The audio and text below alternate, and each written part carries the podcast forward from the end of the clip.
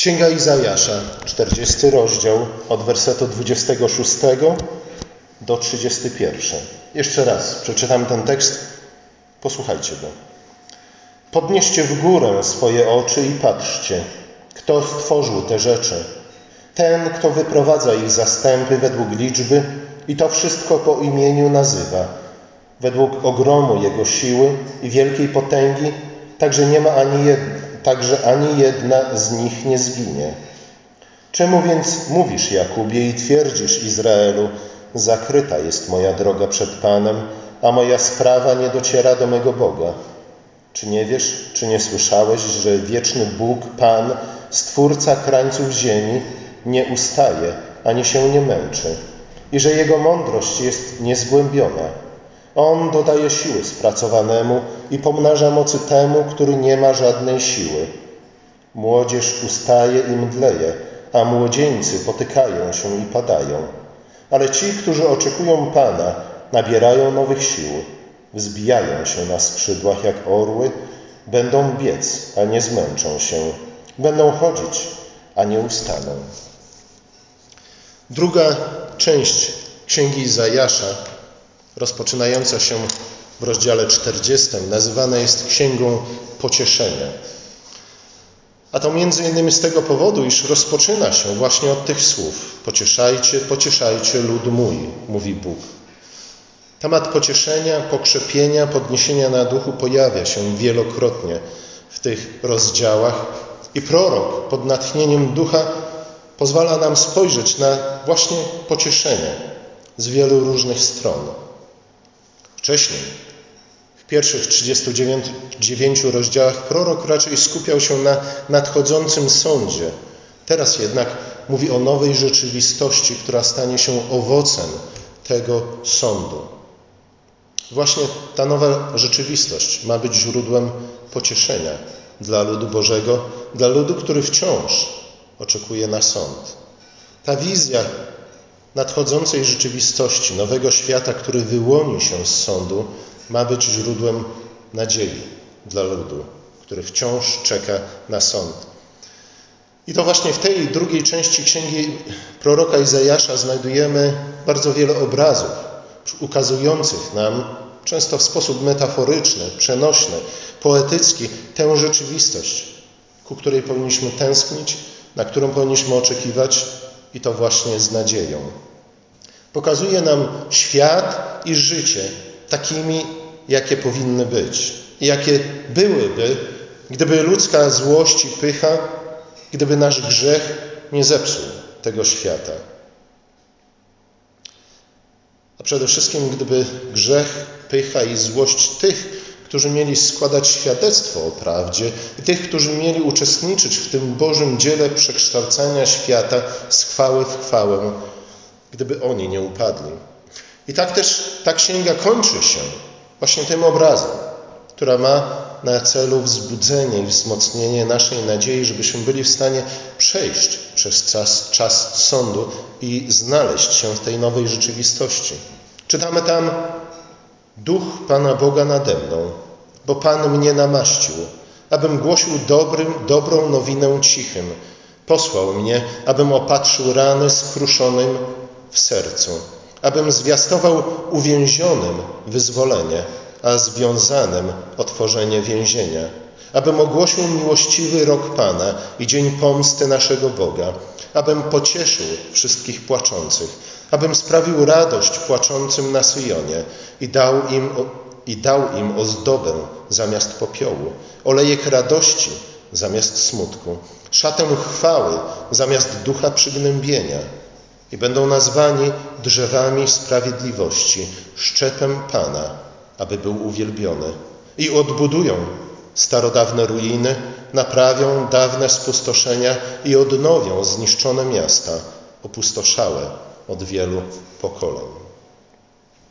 Wciąż jednak dla tych, którzy czekają na sąd, jest to odległa rzeczywistość. Ta rzeczywistość powinna być dla nich celem, powinna być obiektem ich tęsknot i marzeń, ale nadal nie jest celem ani marzeniem zrealizowanym. W podobny sposób pełnia królestwa jest, nas, jest naszą tęsknotą, jest naszym celem, jest naszym marzeniem, jest tym, o co zabiegamy, a jednak wciąż nie jest do końca zrealizowane. My, co prawda, żyjemy w lepszych czasach ze względu na to, że w zmartwychwstałym Chrystusie już ujrzeliśmy przyszłość świata, a jednak nadal czekamy, aż Chrystus podda wszystko pod swoje panowanie, aż ta przyszłość do końca przeniknie naszą teraźniejszość. Wciąż czekamy, aż aby ziarno gorczycy zamieniło się w to potężne drzewo, w których gałęziach wszelkie ptactwo nieba znajdzie swoje schronienie. Wciąż czekamy, żeby zaczyn Ewangelii do końca przeniknął ciasto tego świata.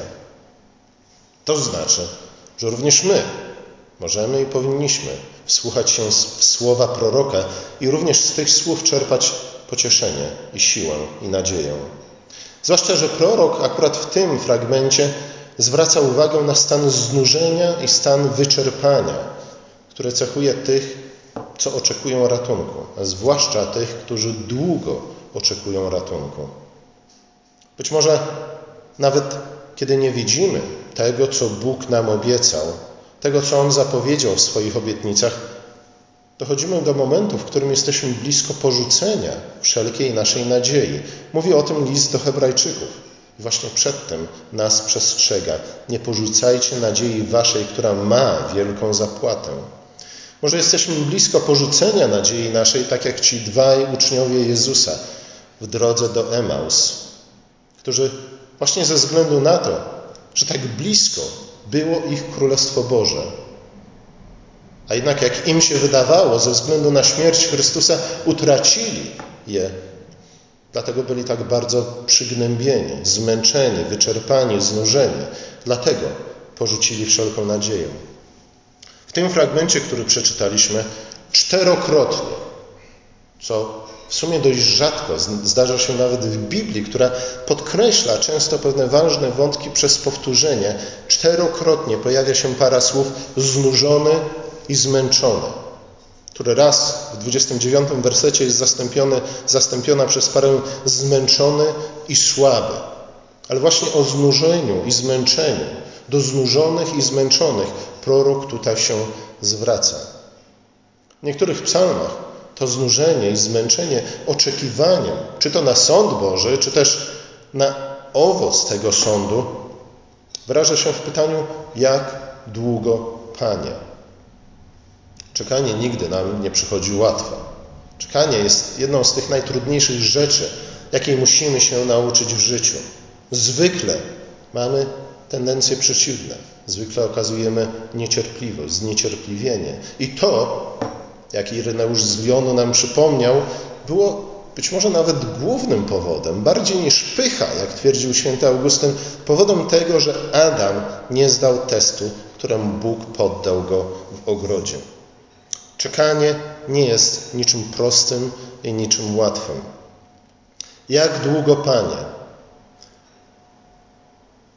To pytanie, jak długo, Panie, nie jest tylko i wyłącznie wyrazem naszego znużenia i zmęczenia, zbyt długim, jak nam się wydaje, oczekiwaniem na zrealizowanie obietnic Bożych, ale jest w gruncie rzeczy również pytaniem o pewien etyczny porządek świata. Jak długo, Panie, mamy czekać na sprawiedliwość? Jak długo Bóg będzie pozwalał triumfować tym, którzy są złymi, nikczemnymi, którzy nie przejmują się ani Bogiem, ani człowiekiem. Dlaczego, jak pyta autor Psalmu 73, zuchwali cieszą się nadal powodzeniem? Gdzie jesteś, Panie Boże? Jak długo będziesz zwlekał, aby w końcu znów naprawić ten świat, aby rzeczy były takie, jakie powinny być? Dlaczego bezbożni żyją w beztrosce i pomnażają swoje majątki? Wydaje się nawet, przyznaje Asaf, który napisał ten psalm, że, że to właśnie ze względu na to, że ci ludzie nie przejmują się ani prawem Bożym, ani miłosierdziem względem bliźniego, właśnie dlatego są na górze. Właśnie dlatego triumfują, właśnie dlatego żyją w beztrosce i pomnażają swoje majątki. I Asaf przyznaje nawet w tym psalmie, że patrząc na to wszystko, patrząc na dzieje świata, których był uczestnikiem, na ten swój wycinek historii świata, niemalże nie zachwiał się w swojej wierze i zazdrościł ludziom bez skrupułów. Czy na próżno zachowałem serce w czystości? Właśnie oczekiwanie, zwłaszcza to oczekiwanie, które wydaje nam się zbyt długim oczekiwaniem, prowadzi nas do takich pytań, takich wniosków. Słuchajcie, ponieważ psalmista zadawał takie pytanie, wydaje mi się, że nie ma nic złego jeszcze w zadaniu tego pytania. O ile autentycznie i szczerze oczekujemy odpowiedzi od Boga, a nie sami zaczynamy udzielać sobie tych odpowiedzi. Bo jak, pro, jak psalmista przestrzega nas, gdy sami zaczniemy udzielać sobie odpowiedzi na te pytania, dlaczego świat wygląda tak, a nie inaczej, dlaczego moje życie nie jest takie, jakbym chciał, żeby było, to często udzielimy dokładnie odwrotnych odpowiedzi od tych, które Bóg, których Bóg nam udziela.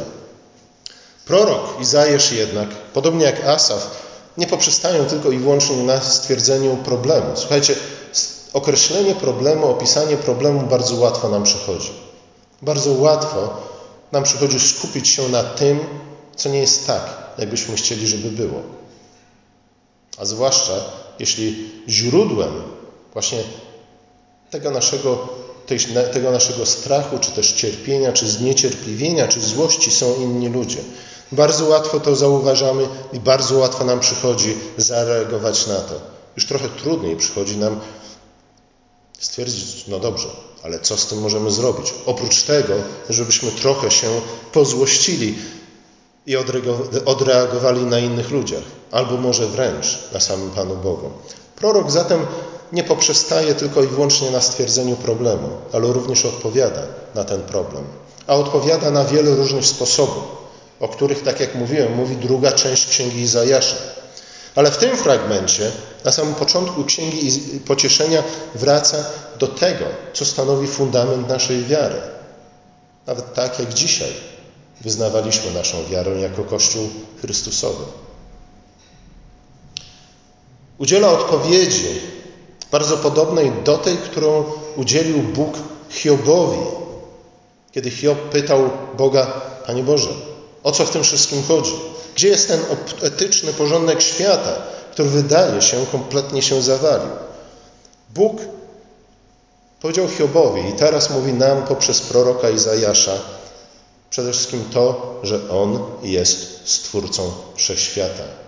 Pamiętacie, w jaki sposób ta odpowiedź Pana Boga, którą On udziela Hiobowi, wydaje się być kompletnie nieodpowiednia, nieadekwatna do sytuacji, w jakiej znajduje się Hiob. Hiob cierpi i na pewno ucieszyłby się ulgą, tym bardziej im szybciej by nastała. Natomiast tego Bóg każe mu spojrzeć na gwiazdy i zastanawiać się nad nimi. Bóg nie uzdrowił Hioba od razu. Bóg nie przywrócił Hioba do poprzedniego stanu sprzed próby, przez którą Hiob przechodził, ale najpierw mówi mu: Hiobie, podnieś oczy swoje w górze i popatrz. Dokładnie to samo mówi Bóg przez proroka Izajasza tutaj. Tam Bóg mówi do Hioba: spójrz na Plejady, spójrz na Oriona, na gwiazdy Zodiaku, na niedźwiedzicę bo chcę udzielić lekcji, bo chcę odpowiedzieć na Twoje pytanie. Podobnie tu Izajasz mówi: podnieście swoje oczy w górze. Podnieś, podnieście w górę swoje oczy i patrzcie, kto stworzył te rzeczy. Ten, kto wyprowadza ich zastępy według liczby i to wszystko nazywa po imieniu, według ogromu Jego siły i wielkiej potęgi. Także ani jedna z nich nie zginie. Dlaczego mamy patrzeć w gwiazdy? Dlaczego mamy spoglądać na Plejady, na Oriona, na zod, gwiazdy Zodiaku, na Niedźwiedzicę? No właśnie po to, abyśmy przypomnieli sobie, że Bóg jest Stwórcą Wszechświata. A zatem prorok zaczyna od przypomnienia nam o tym, że Bóg jako Stwórca Wszechświata, jako ten, który mocą swojego słowa powołuje do bytu to, co nie istnieje, czy też co nie istniało, jest Bogiem Wszechmogącym. Wobec tego ogromu potęgi nic nie zginie, ani jedna gwiazda. Tutaj, czy też u Hioba, Pan Bóg wymienia zaledwie kilka z gwiazd i kilka z konstelacji. Do tej pory nawet nie wiemy, jak wiele z nich jest. A Bóg mówi, słuchaj, ani jedna z nich nie zginie. Nie tylko, że znam każdą z nich po imieniu, ale ja nazwałem każdą z nich po imieniu. Innymi słowy, dla Boga nie, nie ma nic niemożliwego. On niepodzielnie panuje nad całym wszechświatem. On go uczynił z niczego mocą swojego słowa. Dla Boga zatem prawdziwie nie ma nic niemożliwego. On jest tą potężną, najpotężniejszą mocą. I to nie tylko we wszechświecie, ale ponad światem. To jednak nie wszystko. Bóg jest wszechmogący, ale jest również Bogiem dobrym.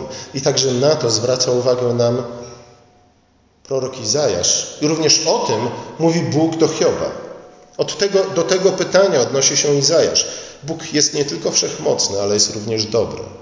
Jego wszechmoc być może na niewiele by nam się zdała, gdyby nie był Bogiem również dobrym, który ma dobre zamiary względem nas. Bóg mówi o tym do Hioba. Mówi w księdze Izajasza w 40 rozdziale, we wcześniejszych wersetach. On jak pasterz pasie swoją trzodę, ramieniem swym ją zgromadza, słabe owieczki niesie na piersi, jak matki karmiące prowadzi ostrożnie. Bóg jest jednocześnie jak dobry ojciec jak troskliwa matka. Matka karmiąca swoje małe dziecko. Innymi słowy, dzieło opatrzności, panowanie Boga nad całym stworzeniem ma na celu dobro stworzenia, a szczególnie dobro Jego ludu. W porządku stworzenia widzimy odzwierciedlony pewien porządek również etyczny. I tak jak nie wątplimy w prawa, które rządzą gwiazdami, które Bóg nadał i ustanowił, które, których On pilnuje, tak również nie powinniśmy wątpić w ten porządek etyczny świata, w którym żyjemy. Jeden i drugi bowiem opiera się na tym samym słowie. Dlatego między jednym i drugim są bliskie paralele. Dlatego prorok, dlatego Bóg może posługiwać się właśnie tym przykładem. Może powiedzieć: spójrzcie w gwiazdy i porządek, który panuje w ich świecie. Słuchajcie, ja go ustanowiłem. Słuchajcie, ja je wszystkie znam, ja je wszystkie widzę. O żadnej z nich nie zapominam. Dlatego tym bardziej możecie być pewni, że panują również nad tym, co dzieje się na jednej zaledwie z tych wielu planet.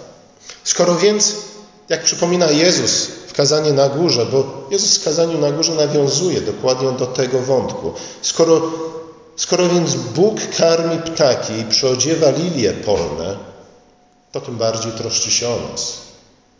Słuchajcie, tam Bóg mówi o tym, że żadna gwiazda nie spadnie z nieba bez Jego woli. Tak tu, w kazaniu na górze, Jezus mówi, że ani jeden wróbel nie spadnie na ziemię wbrew woli Boga. Tym bardziej, ani jeden włos nie spadnie nam z głowy bez Jego przyzwolenia. Ta sama dobra moc i potęga, która pilnuje tego kosmicznego porządku z jednej strony, a z drugiej strony troszczy się o najmniejsze stworzenie na świecie, ta sama dobra siła, która nazywa każdą gwiazdę i zna każdego wróbla, kieruje również naszym losem. I prorok mówi, słuchajcie, to jest punkt wyjścia. Od tego w ogóle musimy zacząć wszelką rozmowę na temat dziejów, historii i losu każdego z nas. Ta myśl ma służyć nam za oparcie Nasze życie ukryte jest w rękach dobrego i wszechmocnego Boga, Stwórcy, który to, czego nie ma, powołuje do życia. Ten, który jest źródłem stworzenia, kto stwarza z niczego mocą swojego słowa, ta najbardziej zatrważająca moc jest jednocześnie naszym dobrym Ojcem i Matką, który mówi do nas: Ja znam zamiary, jakie żywię względem Was. Pomyślne zamiary, a nie zgubę, aby zapewnić Wam przyszłość i nadzieję. Słuchajcie, nie ma większego zapewnienia niż to, ze względu na to, kto je nam dał. Problemem Izraela, czy też problem Izraela polegał, polegał jednak na tym, że jak czytamy również w tym 40 rozdziale Księgi Izajasza, Izrael szukał oparcia nie tyle w Bogu, co raczej w marnych bożkach. 40, 41 rozdział Księgi Izajasza mówią o tym. Są bardzo podobne w swojej wymowie do psalmu 115 e, chyba. Czynimy sobie bogów, którzy pomóc nie mogą, którzy nie mogą przyjść nam na ratunek. A to właśnie dlatego, że mają uszy, ale nie słyszą, mają oczy, a nie widzą, usta, a nie mówią. Są jedynie kiepską namiastką prawdziwego Boga. Ponieważ są na, naszymi wytworami, dlatego właśnie nie mogą nam pomóc. Ze względu na to, że pomoc może nadejść tylko z zewnątrz, a na zewnątrz jest tylko Bóg. Słuchajcie, ale ze względu na to bałwochwalstwo, na nasze obrazy, choćby mentalne Boga, jakie sobie czynimy, właśnie przynosimy je niestety również na tego prawdziwego, jedynego Boga. I dlatego Izrael zadaje sobie pytania, czy Bóg nie słyszy, czy On nie widzi, czy nie przyjdzie nam z pomocą, czy nie będzie działał, czy nie wstawi się za nami. Na tyle, na ile tworzymy sobie obrazy Boga, które bardziej są odzwierciedleniem czy to naszych życzeń, czy to naszych złych doświadczeń, a nie tekstu Pisma Świętego, na tyle właśnie zaczynamy wątpić w Bożą dobroć, w Jego wszechmoc. I w końcu ten Bóg, którego wyznajemy, staje się Bogiem, który nie może pomóc. Czasami wobec grozy życia zaczynamy kwestionować dobroć Boga. Czasami z kolei wątpimy w Jego wszechmoc. To jednak sprawia, że co najwyżej wylewamy na Boga naszą złość i naszą frustrację, a wtedy w szczególny sposób jesteśmy podatni na zwiedzenie, czy to przez szatana, czy przez jakiegoś guru, czy przez innego Hitlera czy Stalina, który przyjdzie i obieca nam rozwiązać wszystkie nasze problemy tu i teraz. Słuchajcie, tak jednak w żaden sposób nie poprawimy naszego bytu. Tak w żaden sposób nie poprawimy naszej przyszłości. Tak bowiem już jest, że oparcie możemy znaleźć tak naprawdę tylko i wyłącznie w kimś, kto jest większy niż my sami. A w obliczu wszechobecnego zła i cierpienia musi to być Bóg. I może to być tylko i wyłącznie Bóg, który stoi ponad całym stworzeniem, który wie dokładnie, co i kiedy i gdzie dzieje się z najdalszą gwiazdą, jak i z ostatnią mrówką zagrzebaną gdzieś w ziemi. Musi to być Bóg Wszechmocący, który, jak przypomina nam prorok, jest jednocześnie Bogiem dobrym. Bo tylko On może być gwarantem pokonania sił zła i ciemności. Nikt inny. W kosmicznej walce dobra ze złem tylko Bóg stojący ponad stworzeniem może obiecać otarcie wszelkiej łzy, ukojenie wszelkiego bólu. Tylko On może zapewnić, że zasmuceni prawdziwie będą błogosławionymi, gdyż oni doznają pociechy. Tylko On ma prawo powiedzieć: Przyjdźcie do mnie utrudzeni, a ja dam wam ukojenie. Słuchajcie, nikt oprócz Boga nie może złożyć takiej obietnicy. A jeśli to czyni, jest kłamcą i zwodzicielem. Nie słuchajcie ludzi, którzy przychodzą do Was z takimi obietnicami. Raczej szukajcie Boga, który jako jedyny bo jest wszechmocny i jest dobry, może złożyć takie obietnice i On jako jedyny może również je dotrzymać i, te, i to uczyni. Właśnie między innymi o tym są święta wielkanocne. Przypominają nam o tym, tylko że Bóg spełnia swoje obietnice, nawet za cenę krzyża, ale również z właśnie ukazuje nam również naszą przyszłość, której będziemy miał, mieli udział, jeśli wytrwamy w Chrystusie. Dlatego też apostoł Paweł nazywa Boga między innymi Bogiem wszelkiego pokrzepienia, bo On jest źródłem wszelkiego, wszelkiego pokrzepienia i tylko On jest źródłem wszelkiego pokrzepienia. Słuchajcie, dlatego w naszej wędrówce przez życie, w wędrówce przez historię, w wędrówce od choćby dnia dzisiejszego do pełni królestwa, musimy pamiętać, pierwszej kolejności właśnie o tym, że Bóg jest naszym Bogiem, który to, czego nie ma, powołuje do bytu mocą swojego słowa. A ponadto jest On również dobrym i wiernym Bogiem, który ma wobec nas dobre zamiary. I to, że On spełni te zamiary, zobaczyliśmy w krzyżu i w zmartwychwstaniu Chrystusa. On ma wobec nas dobre zamiary, aby zapewnić nam przyszłość i nadzieję. Amen.